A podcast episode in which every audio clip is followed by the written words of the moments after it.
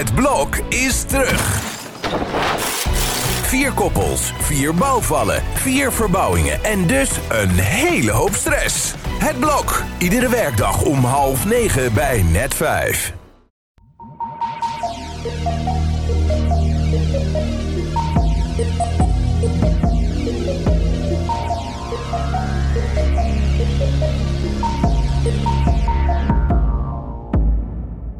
Welkom bij aflevering 55 van Moordzaken, de podcast. Vandaag bespreken we het beest van Harkstede. En voor de kenners, dan hebben we het over Willem van Eyck. Ja, Over moeilijk. een van de grootste seriemoordenaars die ons land ooit gekend heeft. Je zou bijna denken, dit verhaal speelt zich af in een of ander gehucht in, eh, in Amerika. Maar niets is minder waar. Het gebeurde gewoon hier in onze eigen achtertuin. In Nederland. Ja, ik moet wel zeggen dat ik een beetje geïnspireerd werd door de mateloos populaire Netflix-serie op dit moment over Jeffrey Dahmer. Heb je er al naar gekeken? Nee, op de een of andere manier trekt het mij niet zo. Nee, ik vind het ook te gruwelijk. Ik, ik krijg niet echt behoefte om dat te bekijken. Raar is dat, terwijl we toch true crime fans zijn. Ja, Nee, die hebben we dus nog niet gezien. We kijken natuurlijk wel af en toe naar moorddossier. Kan je ons zien. En laten we in ieder geval een waarschuwing geven vandaag. Er zijn behoorlijk wat expliciete en gruwelijke details die we bespreken. ja en het is ook moeilijk om een jaartal eh, natuurlijk op deze zaak te plakken. Eh, maar laten we gewoon bij het begin beginnen. Dat was namelijk 1971. We hebben eerder iets besproken, de fashionmoord uit hetzelfde jaar. Ja, en dit keer was het 20 juni 71, de derde zondag van de maand, ofwel Vaderdag. Ehm, dat was ook het jaar dat net daarna Jim Morrison, de zanger van de groep The Doors, die wordt dan in Parijs dood aangetroffen in zijn badkuip. En het was ook het jaar van Apollo 15. En dat was eh, een, een landing op de maan. En dat was voor het eerst dat ze zo'n mooi karretje hadden om over de maan rond te rijden. Dat eh, gaan we ook nog even delen, want we hebben een YouTube-kanaal. En dan gaan we ook beeldmateriaal gaan we delen die bij de aflevering past. En dan ga ik dat, dat maanwagentje nog Oh, opzetten. leuk. Nou, alle credits voor Eddie eh, bij deze. Ehm, 19 juli in 71 werd het hoogste punt bereikt van de zuidelijke toren van de World Trade Center in New York. Dat heeft daar precies 30 jaar gestaan. Dat eh, weten hoe dat afgelopen is. Ja, en er was een hele opvallende verkiezingsposter van de PSP.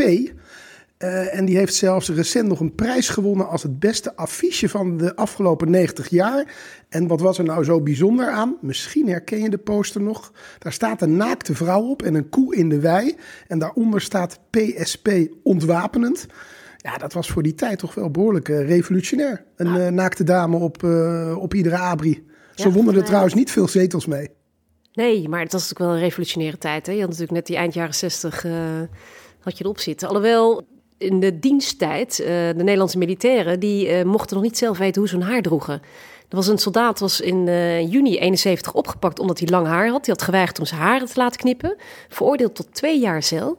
En daarna hebben ze dus de wet veranderd dat ze zelf mogen weten hoe ze hun haar voortaan dragen. Ja, en ik zag, het was ook de eerste abortuskliniek in Nederland. En de autogordel werd verplicht. Althans, alleen voor de auto's die vanaf dat moment op de markt kwamen. Ik kan me ook nog herinneren dat ik zonder gordel in een auto zat. Natuurlijk joh. Dat was, helemaal van een autositje, dat was helemaal uit de tijd. Ja, je stond gewoon in een reiswieg achterin. Er was helemaal niets vastgemaakt. Nee. Nou, sport eh, deze dag 20 juni was de Grand Prix Formule 1 van Nederland op het circuit van Zandvoort. Nou, en dat is tegenwoordig ook weer terug. Dat weten we. Ik mag natuurlijk niet nog een keer vertellen dat eh, Ajax eh, de Europa Cup won. Maar wat ook gebeurde was, Feyenoord werd dat jaar landskampioen. En het bijzondere is, zij veranderden toen officieel hun naam. Namelijk Feyenoord met een lange ei naar Feyenoord met een Y. Gewoon een chic Feyenoord. Zoals het nu nog is. Ja. Precies. Nou, de populairste namen uit 71, het zal je niet verbazen, Jan en Sandra. Ja, eh, een stukje Jan heb ik ook in mijn eigen naam zitten. Ehm, ook het geboortejaar, en dat was op 17 mei van onze huidige koningin Maxima.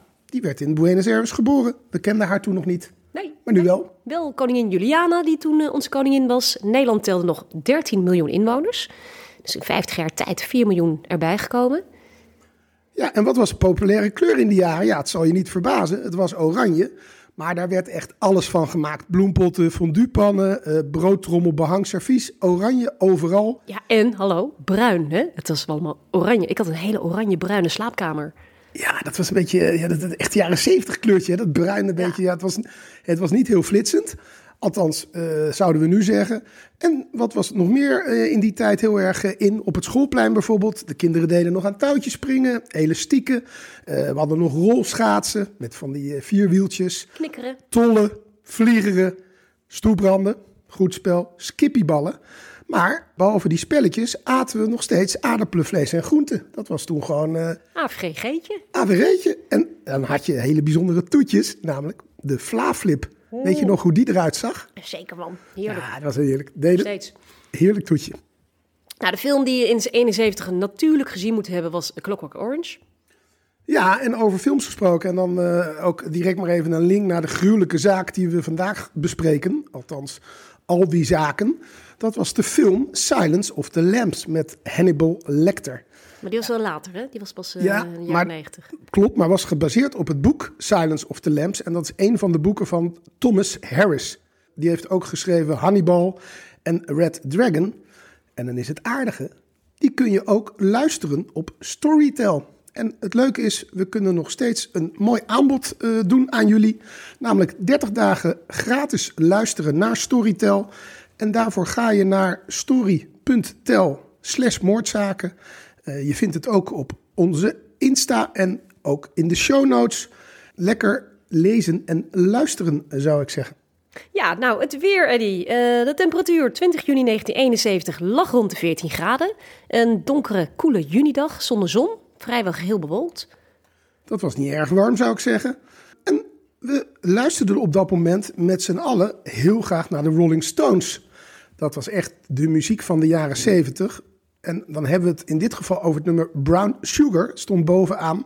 Het was de eerste single van die mooie LP Sticky Fingers. Die, mm. die LP-hoes kennen we natuurlijk ja. allemaal met die uitgestoken tong.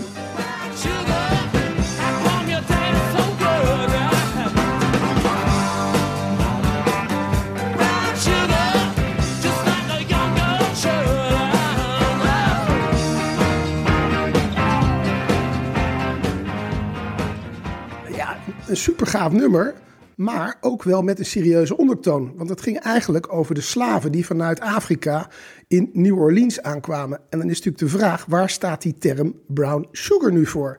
Verwijst dat naar die zwarte vrouwen of is dat naar, ja, heroïne wordt natuurlijk ook brown sugar genoemd. Uh, ik denk dat je vandaag de dag niet meer weg zou komen met dit lied. Ik geloof ook dat ze het op een gegeven moment ook niet meer bij hun live concerten durfden te spelen. Het wordt nog wel gedraaid op de radio. Het wordt nog steeds gedraaid op de radio, dus dat is niet veranderd. Vandaag gaan we het hebben over het beest van Harkstede. Ja, we hebben natuurlijk al eerder een paar seriemoordenaars besproken. We zijn natuurlijk heel ver teruggegaan in de tijd met Goeie Mie. Maar we hebben natuurlijk ook Johnny W. en ook het beest van Spijkenisse al een keer de revue laten passeren. Maar ik denk wat we vandaag gaan vertellen, dat overtreft toch wel mm. alles. Ja, en als we het over Willem van Eyck gaan hebben, dan uh, kunnen we eigenlijk in één adem ook Sietse van de Zee noemen. Die uh, heeft het boek Het Beest van Harkstede geschreven. En daaruit vloeide ook een, een, documentaire voort. Die is te zien op Videoland. Nou, hij interviewde Willem minstens 25 keer. Uh, verder hebben we ook in deze zaak gebruik gemaakt, zoals uh, gewoonlijk van rechtspraak. Maar ook van interviews met Peter R. de Vries. En het boekje Tegendraads van oud politiepsycholoog Harry Timmerman. Ja, allemaal wel bekende namen die de revue passeren. Maar ja, wat is er dan precies gebeurd en dan hebben we het over maandag 21 juni 1971. Nou, er is een dagloner. Dat is eigenlijk gewoon een, een arbeider hè, die voor een dagje wordt ingehuurd uh, in de landbouw, dit uh, geval. Die doet een gruwelijke ontdekking. Hij stuit namelijk tijdens het gasmaaien op een naakte overleden vrouw. En zij ligt in een smalle, ondiepe sloot tussen het riet bij een weiland. Uh, dat is tussen het dorp De Kwakel en Kudelstaart ga je straks alles over vertellen. Zeker weten. Ik kan vertellen, bij de Kwakel kun je heel mooi poldersporten. Uh, dat is ten westen van Uithoorn in Noord-Holland. Daar ligt dus een, een, een, naakte vrouw in het riet en iets verderop ligt haar zwarte kleding op een slordig hoopje. De tas en haar schoenen ontbreken, uh, maar de vrouw, die dus naakt was, droeg gelukkig nog wel een horloge en wat sieraden. Ze was natuurlijk heel moeilijk te identificeren, maar na tien uur kon achterhaald worden dat het om de slechts 15-jarige Cora Mantel uit Uithoorn ging. Nou, hoe kwamen ze erachter? In haar horloge stond een reparatiekenmerk gegraveerd. Dat deden ze in die tijd nog, denk ik. Ja, dus dan kun je dus blijkbaar daar zien waar je horloge ooit uh, voor reparatie is geweest. Nou, zij hebben kunnen zeggen, dit gaat om Cora Mantel. Ze hebben meteen sectie verricht op dit meisje uh, van 15. Door, jawel. Ja, dat is de bekende Jan Zeldenrust. En die zijn we natuurlijk al eerder tegengekomen. Hij was zelf al in de 60 jaren actief, want dat hebben we gemerkt in de Baarnse moordzaak. Maar ook in de Butlermoord, en dat speelde in de 80 jaren, had hij een rol. Toen ging hij wel bijna met pensioen. Dus ik denk nu in de 70 jaren dat hij wel op zijn hoogtepunt was. En hij was wel degene die bij al dit soort zaken direct betrokken was. En wat zegt hij, en dat zijn wel gruwelijke details. Uh, hij zegt: Cora is slachtoffer geworden van een verwurging, vermoedelijk met een touw of een koord. En het lijkt zelfs dat ze wellicht vaginaal als anaal is verkracht. Dus ja, een uh, vrij brute moord moet dat geweest zijn. Ja, en dan zou je denken, wat is daar dan aan vooraf gegaan? Nou, dat was die dag daarvoor, zondag 20 juni, vaderdag. Uh, Cora was deze zondagavond uit geweest en bij haar Amsterdamse vriendje Brian langs geweest. Hij had haar rond kwart over elf afgezet bij het Haarlemmermeerstation in Amsterdam. Maar dat ze de laatste bus gemist. Dus is waarschijnlijk gelopen naar het Stadionplein. En heeft daar rond middernacht uh, staan liften. Nou ja, in de hoop dat iemand je dus meeneemt richting uit Hoorn waar ze vandaan komt. Uh, ja, een getuige heeft inderdaad een liftend meisje gezien. Je hebt het over een meisje van 15 jaar. Ja, ja, dat meisje is dus inderdaad bij het Stadionplein door een rood autootje, een rood sportautootje meegenomen, wat heel veel geluid maakte. De dader is niet gevonden, maar inderdaad een meisje van 15, laat alleen op straat. Ja, ik vraag me af of je dat als ouder zou moeten willen. Het is natuurlijk wel een totaal andere tijd. We hebben het over de jaren 70. Maar ja, dat was een tijd waarin je nog niet een mobiele telefoon op zak had. Dus in geval van nood kon je ook niet echt snel iemand uh, uh, te hulp roepen. Je bent natuurlijk extreem kwetsbaar. Ja, en ik denk ook dat het gegaan is. Ze was vrij volwassen voor haar leeftijd. Ze was de jongste van vier kinderen. Waarschijnlijk ze moest gewoon de laatste bus naar huis nemen. En dan ben je toch, als je de bus mist, dan denk je van ja, ik moet naar huis. Dus dit is de laatste optie. Ja, ze beginnen natuurlijk direct met het onderzoek. Uh, het is zelfs zo dat er een beloning wordt uitgeloofd. Uh, dat is 10.000 gulden en dat wordt gedaan door de vader van Cora. Hij is namelijk de eigenaar van een Uithoornse timmerfabriek. Dat is overigens bovenop de 5000 gulden die door de officier van justitie was uitgeloofd. Maar ze komen eigenlijk helemaal niet verder in dat onderzoek. Na een dag of drie hebben ze eigenlijk nog helemaal geen clue. Ze denken dat er sprake is van een crime passionnel. Maar niet veel later, en dan hebben we het eigenlijk over een paar dagen later, op 25 juni, wordt Cora Mantel in Breukelen begraven. En weten we met z'n allen nog niet wie de dader is. Er wordt natuurlijk wel gezegd tegen de politie, en dat is in dit geval de Rijkspolitie, en dat is Overste Honkoop. Dat vind ik wel een mooie titel, Overste. Overste. Ja. Uh, die is van het district Amsterdam. Ja, die wordt natuurlijk gevraagd van, uh, schiet het een beetje op met het onderzoek? Nou, hij zegt, er zit een duidelijke lijn in, maar over de onbekende moordenaar. Ik heb niet de indruk dat hij erop uit geweest is te vermoorden. Nou, dat gaan we later zien of dat zo is. Ja, hij zei ook van, ik geloof niet dat we hier te maken hebben met een psychopatenmoord. Ja, nou, het is zelfs zo dat eigenlijk deze zaak uh, verdwijnt op de plank. Ja, en dat duurt dan drie jaar tot er een nieuwe dode vrouw in de omgeving wordt ontdekt. Ditmaal tussen Korteraar en Nieuwveen. Dat is in de buurt volgens mij, hè? volgens mij een half uurtje daar vandaan. Veel dichterbij. Nog dichterbij, ja. dat ga jij zo wel vertellen dan. Nou ja, het is maandag 19 augustus 1974 en de Rijkspolitie ontdekt dan rond half negen in de ochtend het lichaam van de 44-jarige verpleegster Aaltje van der Plaat uit Gorkum. Nou, Aaltje was de avond ervoor, zondagavond, op weg van de kerk naar het huis van haar zus waar ze logeerde. En de volgende dag vond men dus haar lichaam in het maisveld aan de Schilkeweg. Nou, ze lag naakt op rug achter een uh, twee meter hoge berg uh, mestaarde. Ja, en ik geloof dat Carrie wilde dat ik de gruwelijke details erbij ging vermelden. Ja, ze was zwaar verminkt, inderdaad. Ja. ja, het was vreselijk. Ze had een opengereten buik. Ze had talloze diepe snij- en steekwonden en een doorgesneden keel.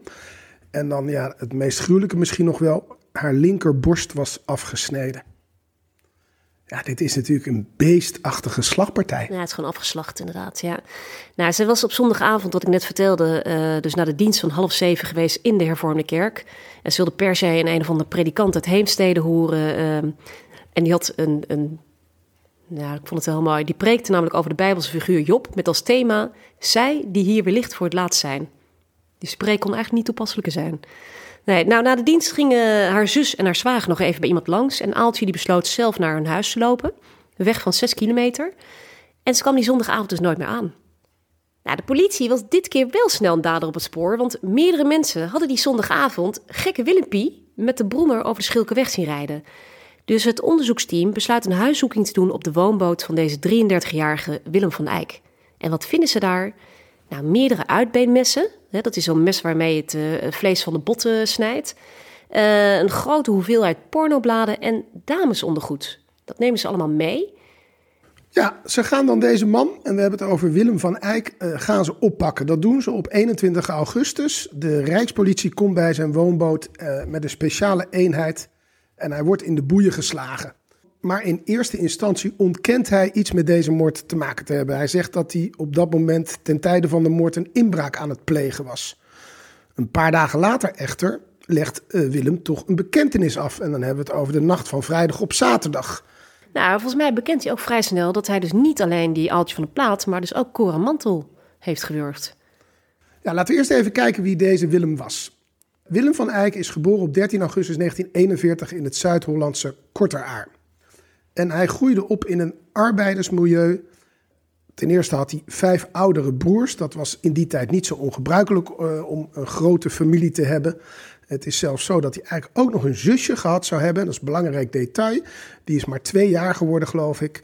Op een of andere manier, omdat hij de jongste was, lijkt het erop alsof hij in zijn jongere jaren ook af en toe als meisje verkleed werd door zijn moeder. Blijkbaar bij het gemis van een dochter in de familie.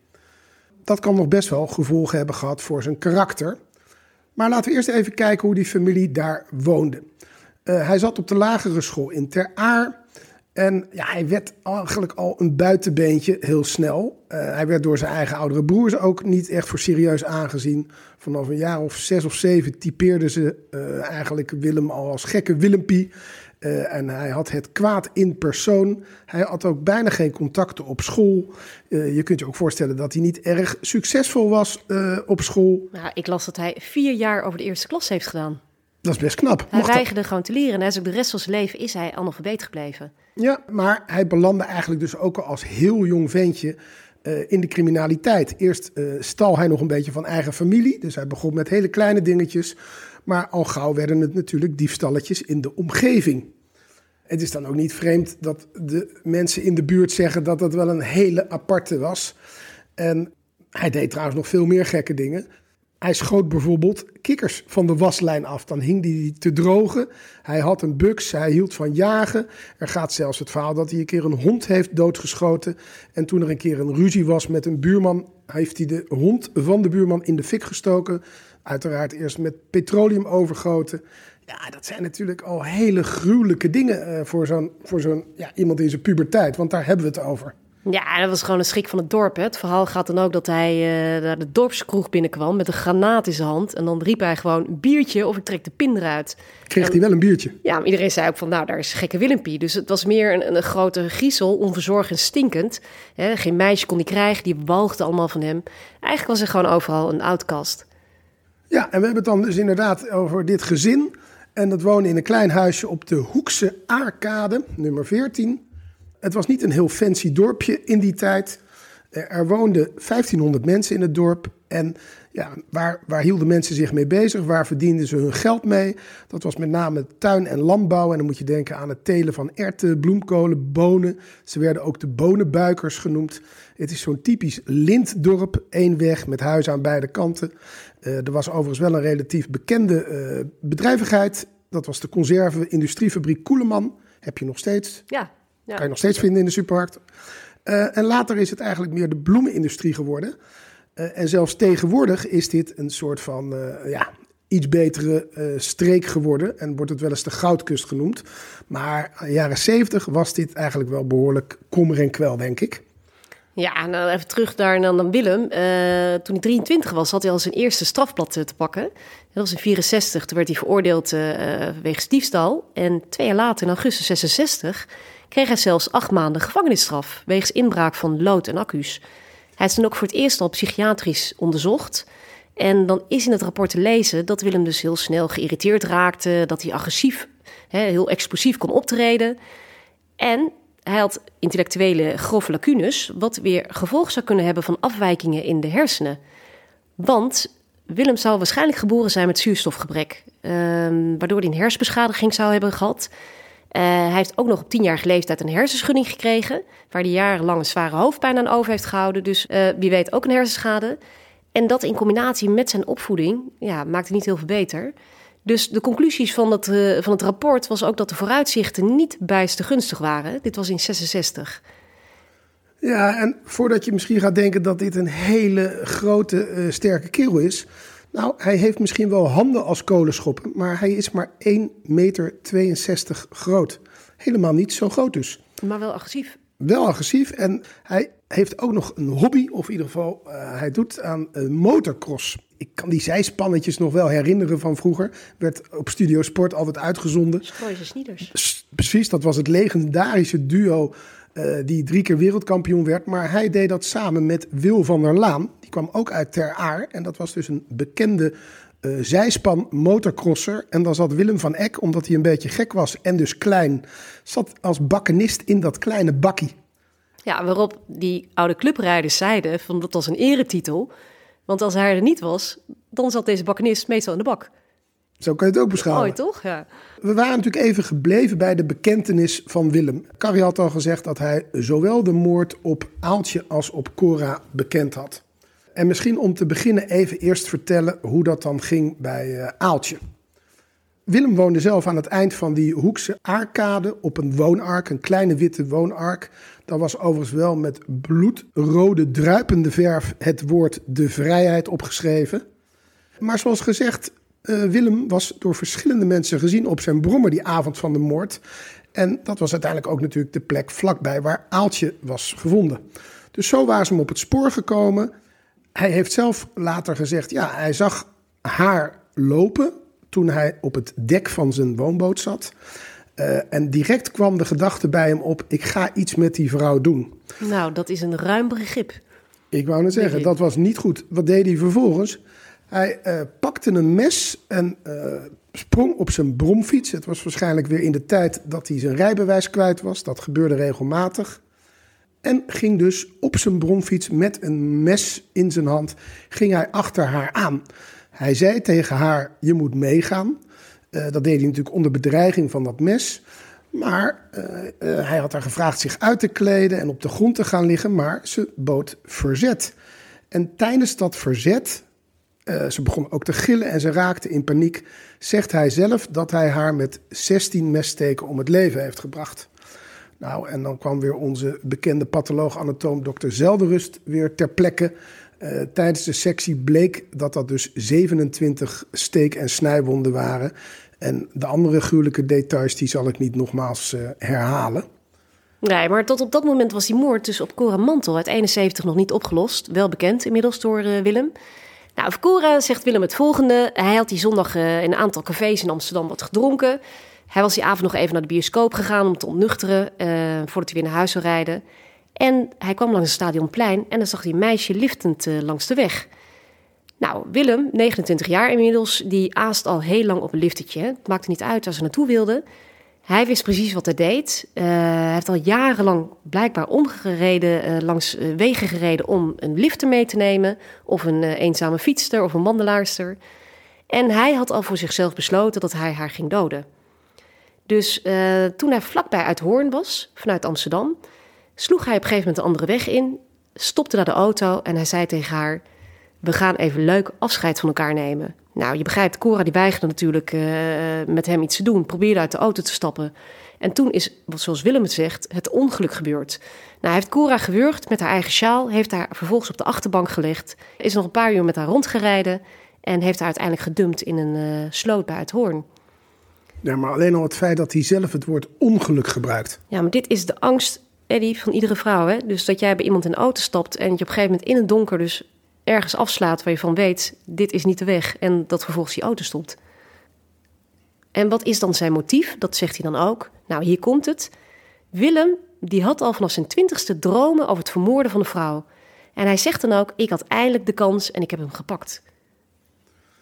Ja, alsof er een soort stemmen zijn die hem hiertoe gedwongen hebben. Maar dat is natuurlijk niet zo. Nee, niet ik vind zo. het. En er wordt ook aan hem gevraagd, nadat, nadat hij die moord op Aaltje en Cora heeft bekend van hoe voel je je? Nou, dan zegt hij: Ik voel me opgelucht en teleurgesteld. Hij is opgelucht omdat hij anders misschien met moorden was doorgegaan als hij niet was gepakt. Had hij misschien wel een derde slachtoffer gemaakt. Maar hij is teleurgesteld omdat hij niet weet wat er met hem aan de hand is. Want hij zegt dan dat die fantasieën en die nachtmerries van de een op de andere dag over waren en dat ze niet meer teruggekomen zijn. Nou ja, dat is een enorme kletskoek verhaal, want uh, hij wordt natuurlijk onderzocht door psychiaters. Althans, die proberen hem te onderzoeken. Maar Willem, die weigert dus ieder onderzoeken. Dus uh, die psychiaters die vermoeden wel dat zijn gedrag eigenlijk voortkomt uit die hersenbeschadiging, dat zuurstoftekort dat hij opgelopen heeft tijdens zijn geboorte. Maar ja, ze vinden hem gewoon ontoerekeningsvatbaar. Hij wordt dan ook in rapporten omschreven als een man zonder emotie, die geen spijt heeft van zijn misdaden. Dus eigenlijk valt hij meteen in die zwaarste categorie. Moeilijk te behandelen. Ja, en het viel me ook nog op dat hij was afgekeurd voor dienst vanwege S5. Nou, dan, uh, dan is een behoorlijk steekje bij je los. Andere belangrijke gebeurtenissen in zijn jeugd is dat hij uh, in 1966 had hij blijkbaar even toch een vriendinnetje. Maar uh, die had al heel snel weer de verkering uitgemaakt. En ja, dat was overigens een verzorgster in een bejaardentehuis. Ja, dat zou dan een gebeurtenis geweest zijn die een belangrijke rol in zijn jeugd heeft gespeeld. Ja, ik denk gewoon dat het een hele nare vent is. Een hele, hele zieke uh, vent is, ja. Nou, hij verschijnt in 1975 dan ook in de Haagse rechtbank. Uh, het zal je niet verbazen, op zijn sloffen. Details van die moorden worden dan voorgelezen. Uh, nou, die zijn zo walgelijk dat die parketwachters die er zitten, die moeten gewoon overgeven. Willem van Eyck hoort ondertussen zijn vonnis aan en dat is 20 jaar met TBR. En dat is de voorloper van het huidige TBS. Ze verwachten daarmee dat eigenlijk Willem nooit meer op vrije voeten komt. Uh, en dat vinden ze ook verstandig, want ze geven aan dat ja, hij heeft gewoon een, lust tot doden. En het zijn ernstige jeugdtrauma's die hij heeft. En uit alle psychiatrische rapporten komt naar voren dat uh, Van Eyck gewoon een levensgevaarlijke gek is. Zou je nu zou je levenslang krijgen, denk je? Dat denk ik zeker. Ja. Uh, maar ze gaan allebei in hoger beroep. En dan hebben we het over Willem van Eyck en ook het Openbaar Ministerie. Uh, en dat dient in juni 1975. Dan begint dat bij het gerechtshof in Den Haag. Uh, en het is vooral uh, dokter Adriaans, en dat is de zenuwarts die een grote rol heeft gespeeld bij het uh, psychiatrisch onderzoek. Ja, die, die protesteert eigenlijk tegen het vonnis van de rechtbank. Die vindt dat te lang, want die zegt ja, zo'n lange gevangenisstraf, dat staat een behandeling in de weg. En hij denkt namelijk dat Van Eyck wel behandelbaar is. En hij ziet ook uitzicht op herstel. Hij zegt wel, daar is een intensieve therapie voor nodig. Dat zou zomaar vijf tot zes jaar kunnen duren. Maar hij pleit dus voor een kortere straf. Nou, en ik vond het dan best wel bijzonder. Eis bij het Hof is uiteindelijk 18 jaar. Dus dat is alweer ietsje lager. Wel 18 jaar met uh, TBR. En uiteindelijk is de uitspraak ook 18 jaar met TBR. Dus hij krijgt toch inderdaad een paar jaar minder straf.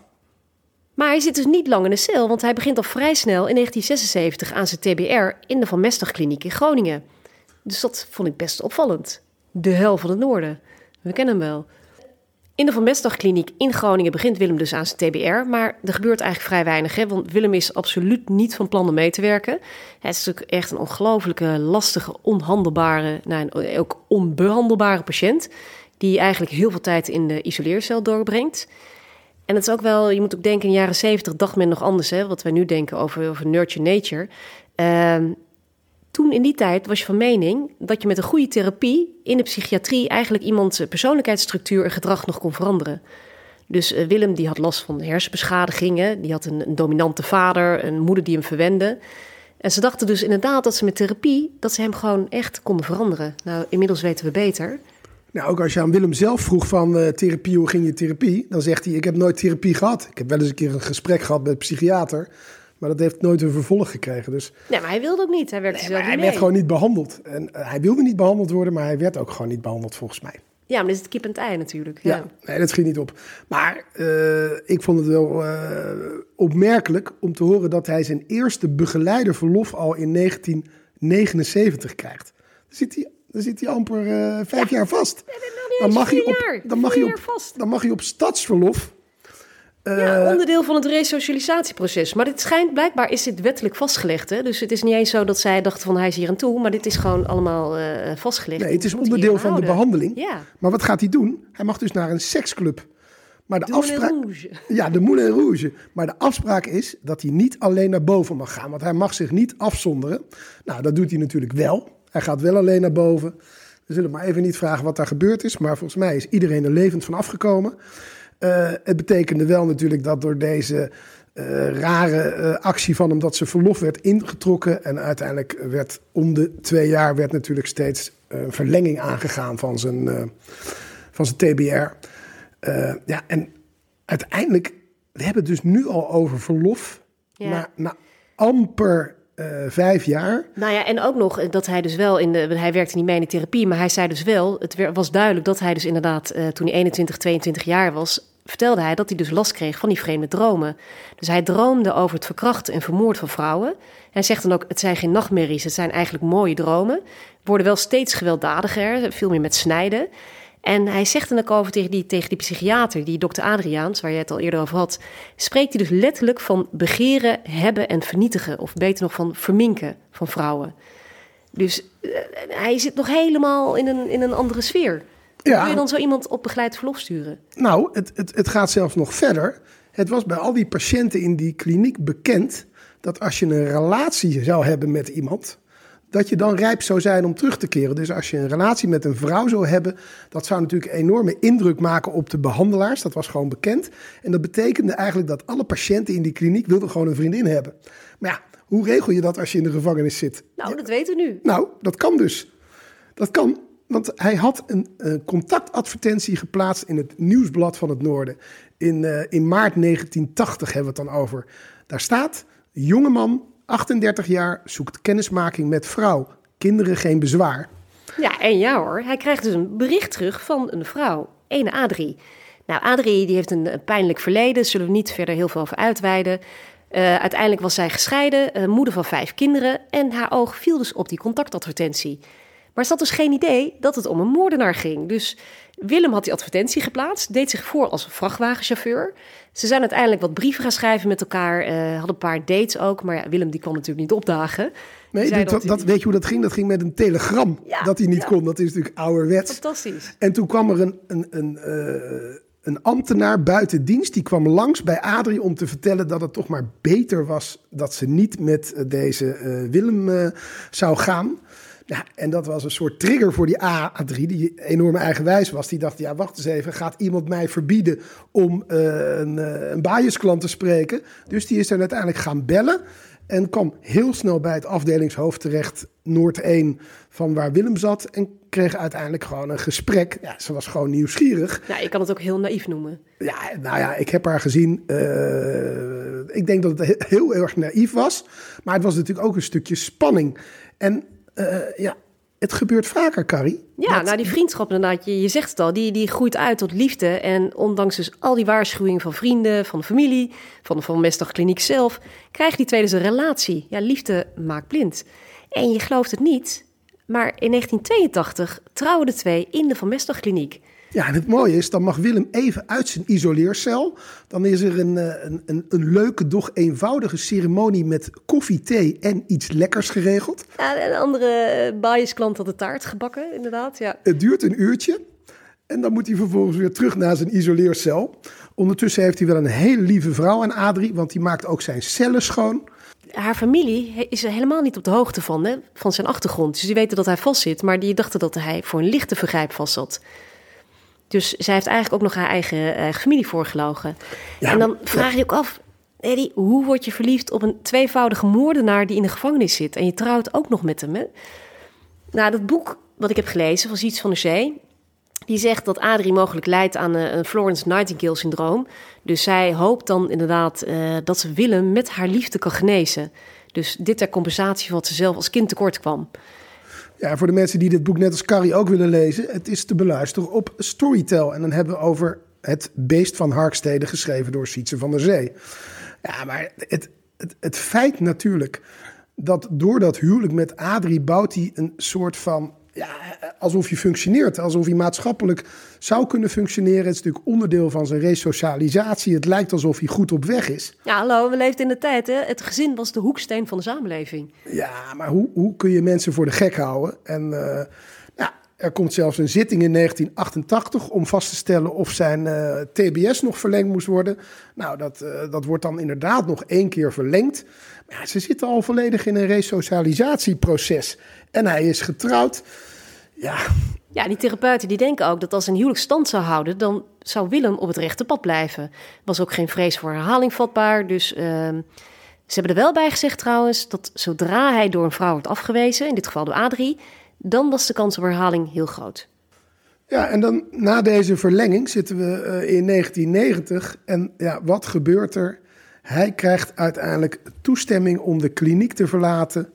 Uh, en hij is gewoon weer compleet vrij man. Hij wordt niet eens meer uh, nee, maar... begeleid. Nou, even daarvoor. Um, zijn psychiater die zegt dan dat de kern van zijn problematiek niet wezenlijk is behandeld. Dus eigenlijk zit het probleem er nog steeds. Maar het risico voor de maatschappij is tot een aanvaardbaar minimum gereduceerd. En dan, hallo, Eddie, ik, ik, bedoel, ik heb er niet voor gestudeerd. Je moet me echt even uitleggen. Hij heeft dus nooit meegewerkt aan een behandeling. Hij zich altijd tegen verzet. Hij was ronduit stinkvervelend, uh, uh, grof, zat veel in een isoleercel. Zijn problematiek is niet wezenlijk behandeld. Maar hij is dus wel een vrij man. Alleen moet zijn huwelijk nog even stand houden. Carrie, het is natuurlijk krankzinnig. Iemand die niet meewerkt aan een behandeling, waarvan alle professionals zeggen: er, er is gewoon niets veranderd in zijn persoonlijkheid, wordt uiteindelijk beloond met uh, vrijheid. Ja, zonder in de gaten gehouden te worden. Precies, hij hoeft zich nergens meer te melden. Er is helemaal geen reclasseringsambtenaar die hem nog in de gaten houdt. Uh, ze zeggen ook dat dat niet kan, wettelijk. Dus hij is gewoon weer helemaal vrij te gaan. Nou, en dat gaat hij ook, want hij gaat met zijn vrouw, en dan hebben we nog steeds over Adrie, gaat hij bij haar in een buitenwijk van Groningen wonen. En na een jaar gaan ze verhuizen naar een leuk boerderijtje in Harkstede. En, uh, ik maar dus moet... werkelijk geen haan naar hem kraaide? Nee. Of nou, toch wel enkele ha hanen. hanen. Hun, hun eigen haan. ja. Nee, dat denk ik ook. Maar we hebben het dus over Willem die wordt vrijgelaten, 6 juni 1990 om precies te zijn. En uh, samen met zijn vrouw niet snel uh, heerlijk in uh, ja, het buitengebied van Groningen, Harkstede woont. En ik ken dat een beetje, Carrie. Want ja, ik, daar kun je waterskiën, die. Daar kun je waterskiën. ik studeerde in begin jaren 90 in Groningen, Carrie ook. En wij gingen heel vaak met onze vrienden naar de waterskibaan in Harkstede. En ik heb natuurlijk even gekeken. Dat is echt op een steenworp afstand van deze boerderij. En was het dan bij die roeibaan? Waar ze nee, het was niet bij die roeibaan. Het ligt net ietsje van die roeibaan af. Uh, maar het ligt echt, nou, je praat over, gerucht, ja. het is een gerucht, je praat over minder dan een kilometer afstand. Ik heb daar dus gewoon in diezelfde tijd rondgelopen. En ja, ik, ik heb nooit gerealiseerd, maar ik heb in die tijd wel meer dingen niet gerealiseerd, moet ik eerlijk zijn. Dat er zoveel verderf en moord gaande was in Groningen op dat moment. Maar laten we nog even hebben over hoe ze daar op de boerderij leefden. Uh, Adrie werkte bij de dierenambulance. Ze hadden inderdaad uh, kippen, konijnen, alles rondlopen, een hangbuikzwijn. Ja, het zag er eigenlijk uit van, nou ja, in ieder geval volgens de behandelaars, zag het er goed genoeg uit om Adrie en Willem daar hun eigen leven te laten opbouwen. Ja, je kunt je voorstellen, dit ging natuurlijk niet heel lang goed. Nee, maar het was ook een vieze bende. Uh, net als Willem zelf, hè, die constant naar urine stonk. Had nog weinig tanden in zijn mond. Uh, was ook steeds meer gaan drinken. Werd ook weer agressiever. Ging s'avonds vaak de deur uit om zogenaamd te gaan vissen. Hè. Hij hield van paling, uh, palingvissen of palingfuiken, hoe noem je dat? Ja, hij was een, een palingvisser met, met fuiken, doe je dat? Ja, nou, hij kwam s ochtends dan wel met vis thuis. Maar ondertussen ging hij natuurlijk heel andere dingen doen. Hij uh, was vervent bezoeken van prostituees. Uh, de relatie tussen Willem en Adrie verslechterde dan ook al heel snel. Al vrij snel, nou, dat is eigenlijk al een half jaar na zijn vrijlating in 1990. Maar Adrie die blijft nog bij hem tot 2000. We hebben het wel over de jaren 90 en in die tijd was er een golf van moorden in Groningen en omstreken. En dan heb je het echt niet over een paar moorden. Dat waren er ontzettend veel en heel vaak ging het dan om prostituees. En dat is natuurlijk zo ja, dat is natuurlijk een hele kwetsbare groep. Vaak worden zij gedreven door drugs. Uh, daar willen ze geld voor hebben. Dus ze letten niet op met wie ze meegaan. Ze zijn heel makkelijk over te halen. Ja, je bent of een dealer, of je bent een hoer, of je. Ja, een heleboel mensen in het slechte circuit. Mensen houden elkaar ook niet echt in de gaten. Uh... Ja, dat was dus wel zo. Hè? Dus uh, dat staat ook mooi in het boek van Siets van de Zee. Er waren toen een aantal pooiers die dat wel deden. Alleen die werden gewoon tegengewerkt door de politie. Dus de prostituees en, en politie, dat is later beter geworden, maar die hadden gewoon niet een hele goede band met elkaar. Dus die pooiers werden weggejaagd, waardoor die prostituees dus eigenlijk niet in de gaten gehouden konden worden. Ja, en dat dat onverstandig was, dat, uh, daar zijn we achter gekomen. We hebben trouwens over de tippelzone bij de Bornholmstraat, dat werd de baan genoemd. Dat lag een beetje aan de rand van Groningen. Ja, ik heb daar in die tijd zelf nooit iets van gemerkt. Ik woonde in het centrum van Groningen en dan wist je, dan had je de Hoekstraat en de Muurstraat. Dat waren ook straten waar natuurlijk... Luisteraars, Eddie woonde op de Herenstraat en die kwam eigenlijk ook niet verder dan de Herenstraat. Nee, dat klopt. Ik kwam niet zo heel veel verder dan de Herenstraat. Maar ook in het centrum van Groningen had je een aantal straten die bekend stonden vanwege de prostituees. Uh, ik kwam daar natuurlijk nooit, behalve bij de benzinebar. Ken je die nog? Ja, dat was bij de Hoekstraat, Muurstraat. Ja, dat was bij de Hoekstraat. Dat was een bar die ging pas om 12 uur open, op zaterdagavond. En het ging dan de hele zondag eigenlijk door. En de eigenaar daarvan, dat is een briljante vent, die had een enorm grote baard. Maar die stonk zo na benzine dat je direct door had dat je daar was. Want het bier kwam daar dus niet uit een tap, maar uit oude ja, benzinepompen. Ja. Die hele, dat hele café stond vol met benzinepompen. En ik heb natuurlijk even wat uh, veldwerk gedaan. Helaas, de benzinebar is niet lang geleden ter ah. ziele gegaan. Anders was ik er graag nog een keer uh, naartoe teruggegaan. Maar ik heb toch helemaal niet doorgehad nou, dat dat zo leefde. wel een, een, moord. We hadden die, volgens mij zijn er zeven prostituees in die tijd vermoord. Maar er was ook een moord op de jonge vrouw Anne de Ruiter de Wild. Dat was in 1997. En dat hield volgens mij echt wel de Groningse recherche toen ook bezig. En dat was in de tijd dat ik ook nog zat. En dat was wel een dingetje. Want als je als vrouw dus eigenlijk over die straten daar liep... en, en het was s'avonds of s'nachts dan was je wel op je hoede. Nou, dat lijkt me als vrouw altijd belangrijk. Maar ik heb, uh, ja, voelde je ook echt onveilig? Nee, nou niet, maar je, was, je wist het wel. Je wist dat dit wel speelde daar in die tijd. Nou, het is iets meer langs mij heen gegaan, maar dit was ook gewoon ik bijna... Ik ook niet op de Herenweg, misschien speelde dat ook. Nee, jij, nee, op de Herenstraat. Jij woont, Sorry, op de Herenstraat. Jij, jij bent op de Kranenweg. Nee, maar in die tijd was het wel landelijk nieuws dat het ging dan over de Groningse moorden of de Groningse prostitutiemoorden. Daar was wel iets aan de hand. Ja, wat was daar aan de hand? Ja, laten we nog even teruggaan naar Willem. Die kwam dus regelmatig daar op, die, uh, op de baan, op die tippelzone. Maar erger nog, hij liet ze ook naar zijn eigen boerderijtje komen. En als dat niet lukte omdat hij geen rijbewijs meer had en ze niet achter op de brommer eh, konden of wilden, dan liet hij ze zelfs er naartoe brengen.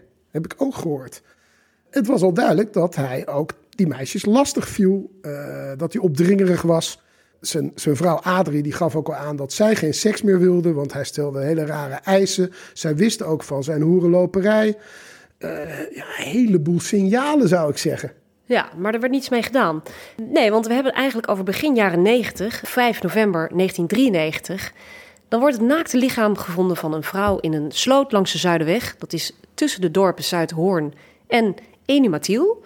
Dat is de west van Groningen. Nou, nu heb ik best wel lang in Groningen gestudeerd, maar ik had werkelijk nog nooit van Enumatiel gehoord. Jij? Nee, ik kende het ook niet. Nee. Nou, het gaat over de 23-jarige Roemeense tippelaarster Michelle Vatol. Uh, ze wordt vaak Misha genoemd. Zij uh, wordt gevonden, maar dat onderzoek door de Rijkspolitie levert helemaal niets op. Nou, er wordt nog een beloning uitgeloofd van 25.000 gulden door het OM. Maar die moordenaar die wordt niet gevonden. Er wordt nog wel een vriend van haar, een Rien, die wordt verdacht. Uh, maar verder eigenlijk, die zaak die belandt gewoon weer op de plank. En dan twee jaar later is het weer raak, hè? dan is 1995. Dan wordt dus de 31-jarige prostituee Annelies Reinders in het Eemskanaal in Appingedam gevonden. Ja. Ook, hè, gewurgd. Ja, schippers die zien daar uh, een lijk drijven. Uh, de politie gaat er snel heen en vindt inderdaad een voorover liggend naakte uh, lichaam van deze jonge vrouw. Maar om haar hoofd en hals zat een touw dat via een vrij ingewikkelde constructie ook nog om haar polsen en enkels was gebonden. Dat was redelijk specifiek, dat was in ieder geval een aanwijzing. Uh, haar rug is overigens al bedekt met een dikke laag groene algen. Dat betekent natuurlijk dat ze al een tijdje in het water gelegen moet hebben. Ze vinden geen kleding van haar. Nou ja, er wordt op dat moment op het politiebureau natuurlijk gekeken naar ja, welke jonge vrouwen worden er vermist. En zo komen ze inderdaad terecht bij Anneliese Reinders. Want die werd vermist al sinds 11 december 1994. Dus iets meer dan een maand later vinden ze haar eigenlijk. Nee, het blijft niet bij deze twee zaken. Uh, in die jaren 90 zijn er nog veel meer vrouwen vermist. Sommige worden gelukkig wel gevonden. En dan hebben we het bijvoorbeeld over Antoinette Bond, over Anne de Ruiter de Wild, over Shirley Herreigers en over Jolanda Meijer. En dat is de enige waar we tot op de dag van vandaag nog steeds niet weten uh, wat er met haar gebeurd is. Ja, er zijn gewoon allemaal zaken die niet uh, opgelost worden ook. Ik bedoel, worden wel gevonden mensen. Nee, en het duurt dan ook enkele jaren eigenlijk tot, tot juli 2001... dat ook de 34-jarige prostituee Sascha Schenker naakt wordt teruggevonden in het Slochterdiep. En het Slochterdiep, Eddy, dat is in Harkstede. Er zijn twee mannen, waaronder de buurman van Willem. Uh, die is beheerder van de roeibaan. Die heb je daar in Harkstede. Nou, die gaan samen uh, met een bootje polshoogte nemen op het Slochterdiep. Want er drijft namelijk iets in vreemds in het water. En wat zien ze dan? Nou, een lichaam voorover in het water met het hoofd en benen naar beneden. En die fonds was niet ver van het huis van Willem. Nou, Sascha, die, uh, die was al vermist. Haar brommer was teruggevonden bij het Sterrenbos in Groningen. Um, er waren al enkele verdachten ook in beeld geweest bij de politie. Maar nu dus ook Willem. En het blijkt dan anderhalf kilometer verderop drijft een zak met kleding. Nou, die pakt de politie uit het water. Er zitten twee pasfoto's in, afkomstig van Sascha. Het duikteam dat ingezet wordt, gaat dan verder eh, zoeken in het Slochterdiep. Nou, wat vinden ze daar in die buurt? Nog twee zakken met kleding. En die andere twee zakken, die worden gelinkt aan twee andere moordzaken. Die van Michelle en van Annelies. Dus grote opwinding bij het uh, Groningse politiekorps. Want het gaat niet om één zaak, het gaat om drie zaken. Ja, die ook nog een keer verband met elkaar hebben. Ja, dus waarschijnlijk toch een seriemoordenaar. En ja. wie blijkt er dan vlakbij die roeibaan te wonen? Onze Willem van Eyck. Ja, dus gaan ze telefoonverkeer van die drie maanden ervoor gaan ze uh, even onderzoeken. Nou, het blijkt dat hij die woensdag met Sascha heeft gebeld. Zij is ook langsgekomen. Maar donderdag is gewoon weer in Groningen gesignaleerd. Hè? Ze is die ochtend uh, nog door een klant gebeld. Maar dat is niet Willem geweest. En het kan dus ook eigenlijk niet Willem zijn geweest. Dus het onderzoek lijkt hier vast te lopen. En het is dan inmiddels half september, twee maanden later. Dan is er toch een oplettende politieman gaan graven in oude dossiers van Willem. Nou, die ligt dan nog opgeslagen in dozen in Ter Aar. Daar is hij naartoe gegaan. Die is al die dossiers weer door gaan nemen. En wat blijkt? Willems modus operandi is helemaal niet verminking van het lichaam zoals bij Altje. Dat dacht de recherche al die tijd. Ze zien nu ook dat bij Cora dat hij prostituees, of in ieder geval meisjes, gewoon wurgde. En dan in het water achterliet en de kleren ergens anders weer achterliet. En dit was eigenlijk niet eerder de, bekend bij de politie. Dus Nee, want het was eerst zo dat ze dachten dat Willem niet kon zijn, omdat ze dachten dat hij niet op die manier door verwurging uh, mensen zou vermoorden. Dus, maar ja, hij woonde er wel vlakbij, Carrie. Dus ja.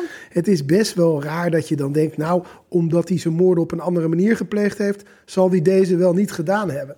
Ja, ik, ik vind dat wel een Ja, van de meest wel- opzienbarende momenten in dit hele onderzoek, toch? Ja, nee, sowieso. En dat het dan ook weer gewoon weer vastloopt, dat onderzoek. Eh, en een ander bizar feit vond ik namelijk ook nog... dat Willem is ondertussen als, eh, als zedendeliquent... is hij twee keer opgeroepen om aan een DNA-test eh, mee te doen. Bij de zaak Marianne Vaatstra... en bij moord in Utrecht eh, op een andere vrouw. Beide keren was hij eigenlijk heel relaxed. Eh, hij zei, nou, ik begrijp dat ik opgeroepen word. Had ook geen angst, want ja, hij, eh, hij had zijn leven wel gebeterd. En hij werd natuurlijk ook niet verdacht. Dus ehm, waarom dan niet destijds al die link gelegd met die andere vermoorde prostituees? Nou, nu is het vermoeden dat Willem dus wel opnieuw in de fout is gegaan. Hij wordt dan drie maanden lang door de recherche in de gaten gehouden. Die plaatst dan camera's bij zijn huis, bij die roeibaan. Eh, mensen die dan urenlang zaten te vissen en dan op de uitkijk eh, zaten, dag en nacht. Ehm, en uiteindelijk had de recherche toch genoeg bewijs om een maandagochtend 12 november van zijn bed te lichten. Nou, Willem wordt meegenomen, een hele invasie bij zijn huis, politieauto's, ME-busjes, graafmachines. En ze gaan zijn huis doorzoeken, vinden ze ook videobanden met seksfilms, waaronder drie SM-tapes. En eentje daarvan, die had een scène waarbij een man eh, het scrotum wordt afgebonden en dan worden naalden in zijn ballen gestoken. Nou, dan eh, gaan ze die videoband gaan ze helemaal checken. En aan die videoband eh, is dan ook te zien dat die scène dus heel vaak is stilgezet. Dus dat hij gewoon continu gewoon diezelfde scènes be- heeft bekeken. Ja. En ook de manier waarop Annelies Reinders was vastgebonden met het touw, hè, wat jij net vertelde, dat wees dus op kennis van SM. Dus eh, nou, je begrijpt, hij moet even aan de tand gevoeld worden. Daar hebben ze de, de psycholoog en criminoloog Harry Timmerman voorbij gehaald. Die hebben we ook in eerdere zaken al een keer gezien. Nou, die zegt meteen, eh, we gaan dit doen, maar dan heb ik wel een wensenlijst voor de verhoorders. Uh, zo mochten die verhoorders niet langer zijn dan Willem zelf. Dus eigenlijk niet langer dan 1,62 meter. Dit in verband met gevoeligheid voor autoriteit. En ze moesten van natuur houden, dus het liefst van jagen of visserij. Nou, ze hebben twee mannen gevonden die aan die eisen voldeden. Die hebben een vragenlijst opgesteld met maar liefst 1500 vragen. Ja, en dat wierp ook zijn vrucht af. Want al op de eerste dag van het verhoor hebben ze dus Willem echt van alles gevraagd. En hij verriet zichzelf. Want wat hebben ze gedaan? Ze hebben hem dingen gevraagd over zijn hobby's, over palingvissen, over het vastzetten van fuiken op de bodem. En toen een van de verhoorders vroeg welke kleur touw hij hiervoor gebruikte, glimlachte Willem. Dus hij begreep waarom die vraag werd gesteld. Annelies was vastgebonden met een rood touw en Willem antwoordde het was een wit touw. Maar zijn glimlach had hem dus al verraden. En de volgende ochtend begonnen ze dus weer opnieuw om negen uur met het verhoor. En toen zei hij meteen van, nou laat maar, ik uh, wil graag bekennen in het bijzijn van mijn advocaat. Ja, en dat hebben ze natuurlijk toen direct opgepakt. Want ja, Willem die wilde gewoon alles vertellen, behalve dan het motief. Daar heeft hij eigenlijk nooit wat over gezegd. Maar het werd wel duidelijk dat hij een soort van vast patroon had uiteindelijk. Uh, want als je dat bekijkt, het begint natuurlijk al met de moord op Cora Mantel. En later ook op Aaltje. Hij pikt een vrouw op straat op. Hij wil eigenlijk met haar vrijen. Uh, maar plotseling wurgt hij dan de vrouw met zijn handen. Het, hij zegt ook later dat hij ze achter in de auto zet, een stukje gaat rijden, dan ergens parkeert, ongetwijfeld op een afgelegen plek. En gaat hij dan zelf ook achterin zitten bij het dode slachtoffer. Ja, en wat natuurlijk ook zo is, en dat heeft hij misschien niet zelf gezegd, maar het lijkt wel dat hij natuurlijk zijn seksuele fantasieën wil bevredigen. want die, die vrouwen moeten zich uitkleden. Ja, vervolgens gooit hij de naakte slachtoffers in het water. Uh, op een of andere manier komen ze allemaal voorover te liggen. Hij pakt ze de kleren af, neemt die mee. En heeft nu inderdaad een aantal keren die kleren op dezelfde manier in een vuilniszak verzwaard met stenen laten afzinken. Ja, dat is toch een soort van ja, ritueel bijna waar je, waar je het over hebt. Ja, maar hij zegt wel dat het nu heel anders ging dan die vrouwen, die twee vrouwen in de jaren zeventig. Uh, bij deze drie vrouwen is hij anders te werk gegaan. Want bij die vrouw uit de jaren zeventig zou hij ervan gedroomd hebben om, om ze te doden. En is hij volgens een, een plan te werk gegaan. En nu was het niet het geval. Hè? Hij zegt nu, het was gewoon een ongeluk.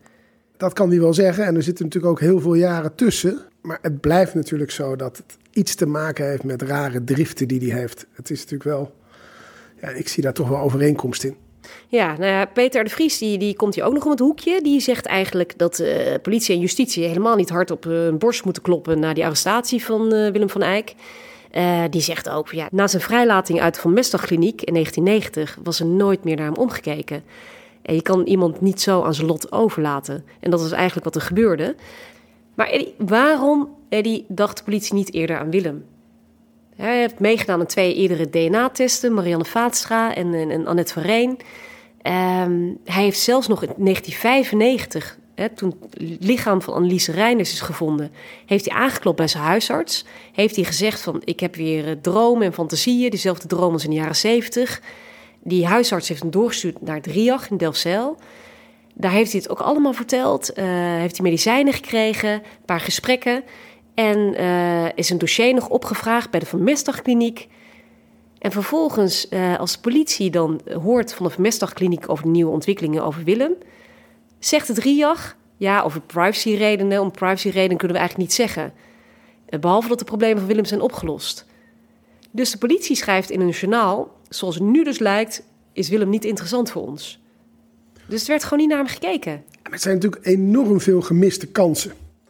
Ik denk ook dat de politie gewoon gefaald heeft in die tijd. Aan de andere kant, er waren zoveel ellendige zaken. Er waren ook wel meer moordenaars die er rondliepen. Het was gewoon Sodom en Gomorra in die tijd ja, in Groningen. Je hebt, een dulvoudige moordenaar die in de buurt woont. Ja, ik snap het ook niet. Want, want, want uh, als het alleen maar niet onderzocht is omdat de modus operandi van die moorden anders was, ja, dat vind ik echt heel gebrekkig.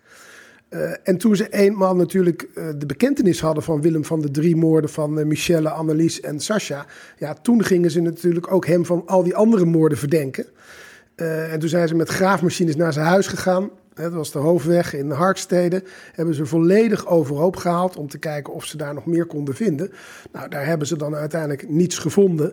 Uh, en dat klopt ook, want een aantal van die zaken zijn later opgelost. En daar heeft uh, Van Eyck aantoonbaar niks mee te maken. Dat blijkt ook uit DNA-tests. Dat is bijvoorbeeld de moord op Anne de Ruiter de Wild. Daar is later een zwerver Henk Smit voor gepakt. Hij is nog gelinkt aan Marianne Vaatstra. Nou, daar is zoals we allemaal weten Jasper S. voor opgepakt. Maar ze zijn pas in actie gekomen nadat ze zijn bekentenis hadden. Natuurlijk, ja, het, het, had de zaak nooit veranderd natuurlijk, want die, die, die vrouwen waren er sowieso uh, niet meer geweest. Nee. Uh, nou ja, je had wel kunnen bedenken, dat was in 2000 dan toen Adrie wegging en het huwelijk op knoppen stond. Dan hadden ze in ieder geval nog één iemand kunnen redden, namelijk Sascha. Ja. ja. Nou, Willem moet in ieder geval weer in de rechtbank verschijnen. Er wordt uh, eerst nog een psychiatrisch onderzoek gedaan opnieuw. Nou, je kan je al bedenken, Willem die weigert natuurlijk weer mee te werken aan ieder onderzoek. Hij is nog twee weken opgenomen geweest in het Pieterbaancentrum. Maar uh, hij weigert gewoon zijn medewerking. Dus het onderzoek is gebaseerd op eerdere onderzoeken, op zijn strafdossier, op wetenschappelijk literatuuronderzoek. En er wordt geconcludeerd dat er nou, je zal ook niet verbazen dat er bij hem sprake is van een ziekelijke stoornis van de geestvermogens in de vorm van alcoholafhankelijkheid en van een gebrekkige ontwikkeling van de geestvermogens in de vorm van een persoonlijkheidsstoornis. Oftewel, het is eigenlijk psychopaat. Ja, dat ze daar nu pas achter komen, zeg Dat is dan. niks nieuws. Nee, het is niet de eerste, de beste die de verdediging van Willem van Eyck zou gaan voeren, namelijk Willem Anker. Alleen dat schiet in het verkeerde keelgat bij de nabestaanden van Shirley Herreigers. Want het kantoor van Willem Anker zou ook hun belangen behartigen. Dat kan natuurlijk niet, hè, want ondertussen wordt Willem ook verdacht van de moord op Shirley. Vervolgens moet Willem op zoek naar een nieuwe advocaat. Dat gaat niet zo makkelijk. Hij wordt zelfs uiteindelijk erin een beetje geholpen vanuit uh, de overheid. En hij krijgt uiteindelijk de bekende strafrechtadvocaat Benedict Fiek toegewezen. Niet Nou, de eerste, de beste. Wou het zeggen. Gaat hij niet op achteruit? Nou, eh, Benedict Fiek, eh, Willems advocaat, die zegt dat er geen sprake is van voorbedachte raden bij het doden van zijn slachtoffers. Uh, en dat doen ze natuurlijk, dat er geen sprake is van moord, maar van doodslag. En een enorme gemoedsopwelling heeft hij uh, die slachtoffers gedood. En het is natuurlijk de enige manier om onder die levenslange gevangenisstraf uit te komen. En, maar dat ging bij die moord op Sasje niet op, want zij wilde vluchten en hij heeft daar gewoon tegengehouden. Dus hij heeft eigenlijk wel genoeg tijd gehad om zich uh, te kunnen beraden. Dus de rechtbank acht dus bewezen dat Willem, nou niet heel verrassend, heeft gehandeld naar kalm beraad, rustig overleg en daarmee met voorbedacht raden. Dus Willem krijgt levenslang. En ook geen TBS, hè, want hij moet eigenlijk als onbehandelbaar worden beschouwd. Nou, natuurlijk gaat Willem in hoger beroep, het OM trouwens ook. Uh, en hij blijft erbij dat de moorden ongelukken waren. Hè. De iets dat is hem overkomen. Uh, hadden de hulpverleners tijdig gehandeld en me niet radicaal laten barsten, dan was het allemaal niet gebeurd. Hij is natuurlijk altijd het slachtoffer van een ander. Dus ook het Hof legt hem levenslang op. En dan hebben we het over 2003. Ja, ik vind dat Willem nog wel met een bijzondere uitspraak komt. Hij zegt: Ik heb die vrouwen gedood. Het is vreselijk. Ik heb dat niet gewild. Het is ook mij overkomen. Ik heb het niet van tevoren bedacht. Nog steeds is het voor mij een mysterie wat nou heeft veroorzaakt dat ik zo heb gehandeld. Ik heb geprobeerd dat met de politie achteraf te beredeneren. Te beredeneren wat er gebeurd was en hoe. Ik heb open gepraat, ik heb meegedacht, ik heb samen met de politiemannen geprobeerd de stukjes van de puzzel op de juiste plaats te krijgen. Hij doet maar steeds alsof hij het niet heeft gewild, alsof het buiten hem omgebeurd is. Ja, tuurlijk. Ja. Ja, het is. Hoe, hoe, hoe, hoe, hoe gek kun je zijn, denk ik dan? Hij legt altijd alles bij een ander neer. Bij, eh, bij Adrie, bij zijn ex-vrouw. hè, Die, dat was een melkkoetje, was hij dan. eh, de hulpverlening moest ontgelden. eh, want die had nooit naar hem geluisterd. Ze liet hem stikken. Nou, ik ben in ieder geval blij dat eh, er gewoon een levenslange gevangenisstraf uitgesproken is. En toch gaat eh, Willem van Eyck nog in cassatie. Hij probeert toch nog een verandering aan te brengen in de uitspraak. Daarvoor gebruikt hij eh, de bekende cassatieadvocaat meneer Franke. Eh, gelukkig is het zo dat de Hoge Raad dat verzoek tot cassatie verwerpt in maart 2005. Ja, Hij zit levenslang vast. hij zit levenslang vast. Nou, ook die horrorboerderij in Harkstede, die wordt in 2016, dus pas vele jaren later, wordt gesloopt. Hè, in verband met de aanleg van een hele nieuwe woonwijk, Meerstad, met een mooie recreatieplas. Nou, daar, daar is intensief contact ook geweest met het cold case team. Want ze moeten natuurlijk even kijken of er nog eventuele uh, fondsen zijn van mensenresten. Dus uh, die gaan naar graven en daar wordt niets gevonden. En Willem zelf, ja, die, na zijn veroordeling komt hij terecht in, uh, in een penitentiaire inrichting in Zwolle, in Maastricht. En eigenlijk uiteindelijk vanwege ernstige gedragsproblemen in Vught. Ja, weet je waar dat in Zwolle was? Dat was in die kliniek Veldzicht. Ja, Veldzicht, waar nu net die TBS... Balkbrug, waar net die medewerkster ja. vermoord is. Ja, Daar heeft hij dus ook gezeten. Ja. Nee, de PI in Vught is natuurlijk voor de echte zware criminelen en andere lieden. Daar is Willem van Eyck uiteindelijk overleden in uh, 2019 op uh, 19 juni. Zijn doodsoorzaak is overigens nooit bekendgemaakt. Volgens mij is dat ook een regel dat ze dat niet doen. Ik kan me dat uit een andere zaak ook herinneren. Dat Alleen dat... de familieleden, maar die wilden ja. niets meer met hem te maken hebben. Dus ja. die hebben ook nooit iets gehoord verder, denk ik. Nee, ja, het is natuurlijk gruwelijk wat hier allemaal gebeurd is. En ja, ik denk toch dat een deel voorkomen had kunnen uh, worden als er uiteindelijk alerter door de politie was uh, gereageerd op een aantal signalen. Maar ook veel alerter door alle behandelaars en alle mensen die hem hebben meegemaakt. Die wisten natuurlijk eigenlijk dat hij geen steek veranderd was. En uiteindelijk dus nog een keer de kans heeft gekregen na zijn eerste veel te korte gevangenisstraf. Want laten we eerlijk zijn, hij heeft maar vastgezeten van pak een beet uh, uh, 1975 tot 1990. Het is natuurlijk krankzinnig dat hij daarna weer op vrije voeten kwam. Ja, het was gewoon een psychopaat, hè? Ja, volledige psychopaat. Dat is ook wat uh, Sietse van der Zee, de schrijver van het uh, boek, ja, duidelijk laat merken. Uh, die, die, die gruwelt ook van hem. Die is ook gewaarschuwd. Toen al die gesprekken die er geweest zijn, Carrie noemde dat al. Die werd echt gewaarschuwd van zorg ervoor dat er een tafel tussen jullie blijft. De man is een monster. Hij kan elk moment toeslaan. Nog voordat je het alarm in hebt gedrukt ben je al dood. Binnen 30 seconden. Nou ja, ik heb ook wel een beetje respect voor die uh, Sietse van der Zee. Dat hij het aangedurfd heeft om zo vaak met deze kerel alleen. Want dat was vaak het geval, toch in één ruimte te zitten. Ja, ik denk ook intrigerend. Hè? Het was gewoon een, een, een viezerik ook, maar een moeilijke man. Uh, hij had een afwijking ook. Als, hij, als hij boos werd, dan begonnen zijn ogen te draaien. Uh, uh, hij stonk, was onverzorgd. Maar gewoon vooral inderdaad iemand die geen berouw had. Die zichzelf altijd tekort gedaan voelde. En hij zei dan ook, een marmot heeft meer gevoel dan deze man. Ja, dat waren de woorden van Sietse. Nou ja, ik denk een van de heftigste seriemoordenaars die wij misschien toch wel in onze Nederlandse geschiedenis gekend hebben. Er zijn wel interessante onderzoeken ondertussen om psychopaten te herkennen. En op Storytel zijn er ook veel interessante boeken te beluisteren. Ik heb zelf bijvoorbeeld een stukje geluisterd van uh, Without Conscience van Robert Hare. Hij is echt een uh, specialist erin. Ik heb het nog niet helemaal uitgeluisterd. Maar hij heeft een aantal kenmerken omschreven waaraan je een psychopaat kan herkennen. Er is natuurlijk in de loop der tijd wel veel meer kennis op dit gebied uh, ontstaan. Uh, ik denk overigens niet dat je daarmee kunt voorkomen dat er seriemoordenaars rondlopen. Dat zal denk ik. Ja, ik las ergens dat 5% eigenlijk, ook van de Nederlandse bevolking, 5% psychopaat is. Dat is natuurlijk een enorm hoog percentage. Ja, dat las ook in het boek van Siets van der Zee. Ik, herken de bron niet, maar ja. het is heel hoog. Ja. Nou, en dan nog uh, ja, een, een, een, een, mooi detail wat ik tegenkwam, maar dat was omdat ik het woord niet kende, Carrie. Hij, was natuurlijk analfabeet, maar om de tijd door te komen kon hij gebruik maken van een Daisy-speler. Nou, ik heb het natuurlijk even gegoogeld. En een Daisy-speler is eigenlijk een beetje ja, de, de, de e-reader avant la lettre. Het is eigenlijk gewoon een luisterboek. En het is ooit, en het is tot op de dag nog, uh, van vandaag nog steeds, uh, wordt het gebruikt, de Daisy-spelers, voor mensen die niet kunnen lezen en op een of andere manier hulp nodig hebben. Uh, ja, een heel bijzonder apparaat. Maar tegenwoordig hebben we Storytel. Hoe mooi is dat? Nee, ik vond het nog wel een bijzonder detail. Ja, mooi. En verder, ja, een gruwelijk verhaal. En helaas, ja, voor de nabestaanden van al die vrouwen ja, je moet er niet aan denken. Niet aan denken, nee. nee. Hij, hij is overleden. Ja.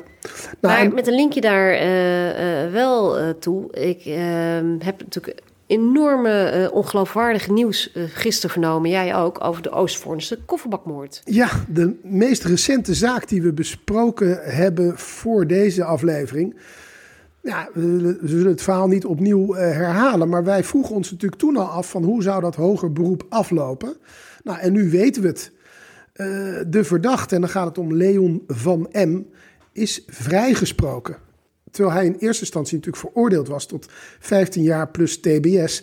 En ook wij overtuigd waren van zijn daderschap. Ja, absoluut. Nee, het is natuurlijk even goed om te weten waarom is hij vrijgesproken. Nou, dat had in eerste instantie te maken met het DNA-bewijs. Dat, uh, dat was door Richard Eikelenboom uh, getest en uiteindelijk is dat toch wel onderuit gehaald. Daarnaast was het zo dat de getuigenverklaringen, ze zeggen dat die niet geloofwaardig waren, de getuigen, getuigenissen. Um, maar wij waren echt wel verbijsterd toen we het hoorden. Nou, mocht er ooit in deze zaak nog ontwikkelingen komen, dan moet er iets bijzonders gebeuren. Dus dan zouden toch eigenlijk weer voortschrijdende DNA-technieken moeten, moeten komen waarop ze iets kunnen baseren. Nou ja, dan is eigenlijk toch weer het linkje naar de zaak die we net uh, over Willem van Eyck hebben besproken. we hebben over gewoon een psychopathische griezel die weer opnieuw de fout is gegaan. Uh, wat denk je hier dan van, van deze Leon? Het is eigenlijk een beetje hetzelfde verhaal. Er is in ieder geval een kans op herhaling. Maar het blijft ook een feit dat er natuurlijk in deze wereld veel meer moordenaars vrij rondlopen. Want ze worden simpelweg niet allemaal gepakt. En daar zullen we ook mee moeten leren leven. Hoe lastig het ook is. Ook van deze zaak gaan we natuurlijk weer uh, wat beelden met jullie uh, delen. Dat doen we via onze bekende accounts op Twitter en Instagram. En tegenwoordig ook via ons YouTube-kanaal Moordzaken Podcast. Luister jij graag naar Moordzaken en wil je Carrie en Eddy ondersteunen? Ga dan, als je wat kan missen, naar fooiepot.com slash moordzaken. En geef daar een digitale fooi. Dus fooiepot.com slash moordzaken.